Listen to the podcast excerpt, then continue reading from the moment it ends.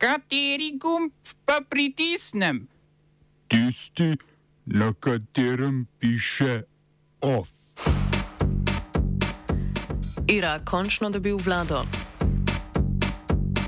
Nekdanjemu pakistanskemu premijeju Imranu Kanu prepovedano opravljanje političnih funkcij. Shod sindikata Tuš v celju. V kulturnih novicah prepišno uredništvo in Matter of Mythology.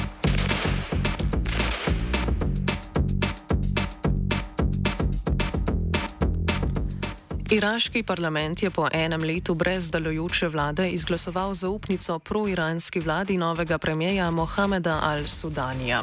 Na čelu nove vlade je al-Sudanijeva šiitska stranka Koordinacijski okvir, ki je potem, ko se je šiitski klerik Moktada al-Sadr umaknil iz politike, postala najmočnejša stranka v iraškem parlamentu. Al-Sadr je iz iraške politike izstopil potem, ko je njegovemu deklarativno proti-iranskemu sadrističnemu gibanju ni uspelo sestaviti vlade. Po njegovem izstopu so se množični protesti podpornikov Al-Sadra v Bagdadu razplamteli v nasilje, Sadrovi podporniki pa so udrli v parlament. Parlament je z delom pričel, ko je izvolil novega predsednika države Abdela Latifa Rašida, ki je zamenjal Barha, Barhama Saliha. Novi predsednik je na to za mandatarja imenoval Al-Sudanija. Kljub Al-Sadrovemu umiku iz politike ostaja sadristično gibanje vplivno med revnejšim prebivalstvom, poleg tega pa Al-Sadr odločno nasprotuje Al-Sudanijevi vladi.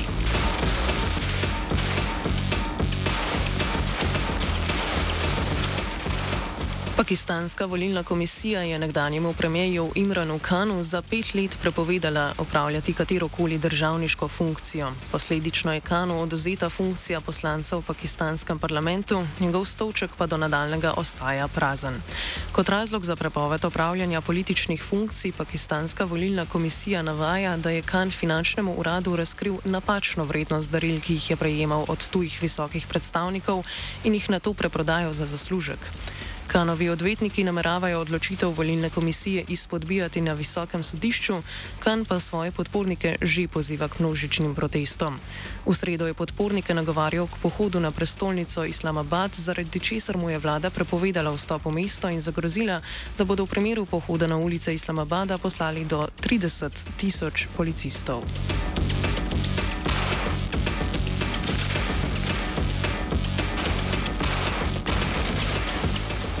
Poslanci Evropskega parlamenta in Svet Evropske unije so se dogovorili o vložitvi zakonodajnega predloga o uvedbi proizvodnje avtomobilov brez izpustov toplogrednih plinov do leta 2030. Dogovor vključuje zahtevo, da proizvodnja novih avtomobilov in kombijev upošteva določbo o ničnih emisijah, kar prepoveduje prodajo dizelskih in benzinskih vozil.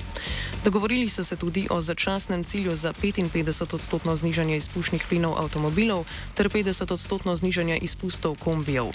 Dogovor je del paketa Fit for 55 v sklopu Evropskega zelenega dogovora.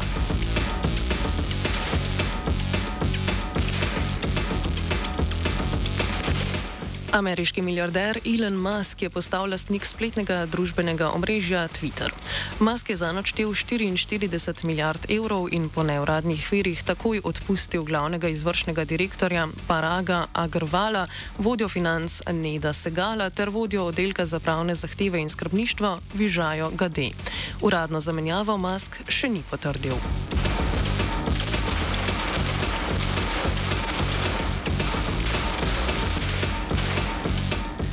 Dajmo raj reči, da uradne zamenjave mask še ni potrdil.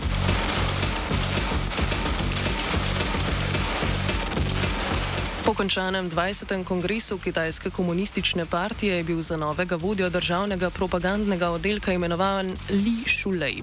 Li je dolgoletni visoki uradnik iz centralne partijske šole, ki je zadolžena za ideološko kohezijo in drugo izobraževanje članov partije. Generalni sekretar in predsednik Ljudske republike Kitajske Xi Jinping je na kongresu dobil tretji mandat na čelu partije, je na više položaje povzdignil tudi več vplivnih ljudi v partiji.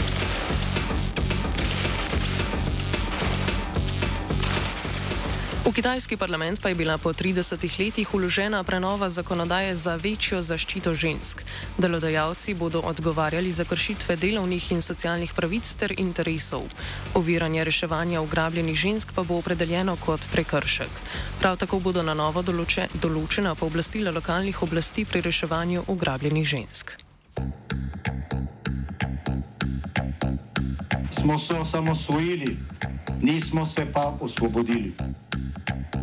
Naslednje število je še 500 projektov. Izpiljene modele, kako so se strani nekdanje LDS rotirali. Ko to dvoje zmešamo v pravilno zmes, dobimo zgodbo o uspehu. Takemu političnemu razvoju se reče udar. Jaz to vem, da je nezakonito, ampak kaj nam pa ostane? Brutalni obračun s politično korupcijo.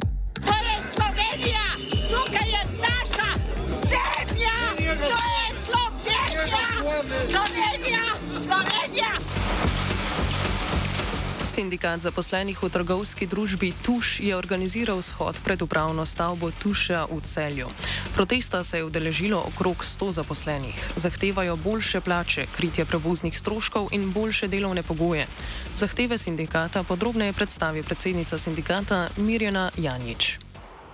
Zahteve sindikata so više plače uh, oziroma iz osnovne v minimalno, uh, višji regres v celotni v denarni obliki. 1400 evrov, uh, polni potni stroški, ureditev delovnega časa, um, pa višja malca, pa konec premeščanja oddaljene poslovalnice, da se točno določi kraj opravljanja dela. Od uprave Tuša zahtevajo, da zagotovi plačilo toplega obroka v vrednosti skoraj 8 evrov, kot to določa uredba o povračilu stroškov.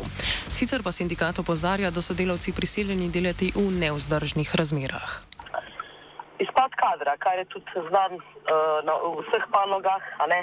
ne samo v trgovinah, mislim, da se s temi problemi soočamo in v Merkatorju, v Lidlu, uh, Hoferju, Šparu, vse posod. Uh, to pomeni ključni problemi. Uh, izpad kadra, velika obremenjenost za delavce, uh, veliko bolniških staležev, uh, premajhne plače, ponekod tudi šikiniranja strani nadrejenih. V skladišču imajo v bistvu malo drugačen problem, tam niso stimulacije določene tako, kot bi mogle biti. Tu se dvigujejo več, kot bi morali ne vem, kaj je še tisto ključno. No, plača pa ta obremenjenost, no, to je v bistvu pa tudi potni stroški. Mi smo do zdaj imeli 70% od najnižje vozovnice, kar pomeni, da to pa ni dovolj. Gremo, celo, gremo pač v minus, ne? mi delavci sami, da lahko pridemo v službo.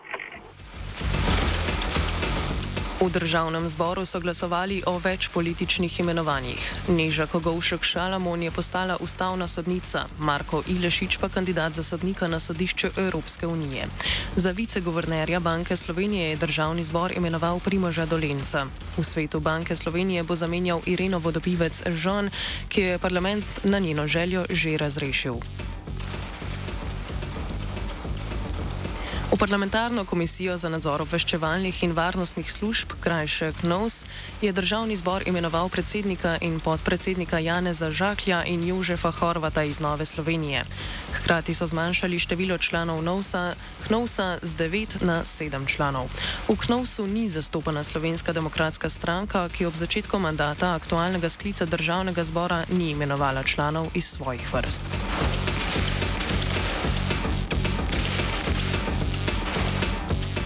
Koperska volilna komisija je zavrnila kandidaturo skladatelja in DHDPHT dirigenta Patrika Grebla ter njegove liste za vedno Koper na lokalnih volitvah. Iz občinske volilne komisije so sporočili, da Greblova lista ni izvedla tajnega glasovanja o izbiri kandidatov za občinski svet, kar bi ob uloženi kandidaturi moralo biti razvidno iz zapisnika o volilnem postopku in iz statuta liste.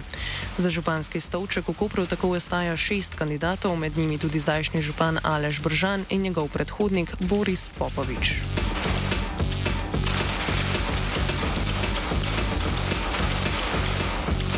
Vlada je za vršilko dolžnosti direktorice javne agencije za knjigo imenovala Katjo Strgar. Imenovana je bila po odstopu Dimitrija Rupla z položaja direktorja agencije 12. oktober. Pred imenovanjem za vršilko dolžnosti direktorja agencije je bila Katja Strgar zaposlena kot svetovalka, še prej pa kot predstavnica za odnose z javnostmi agencije. OF je imenoval Jan.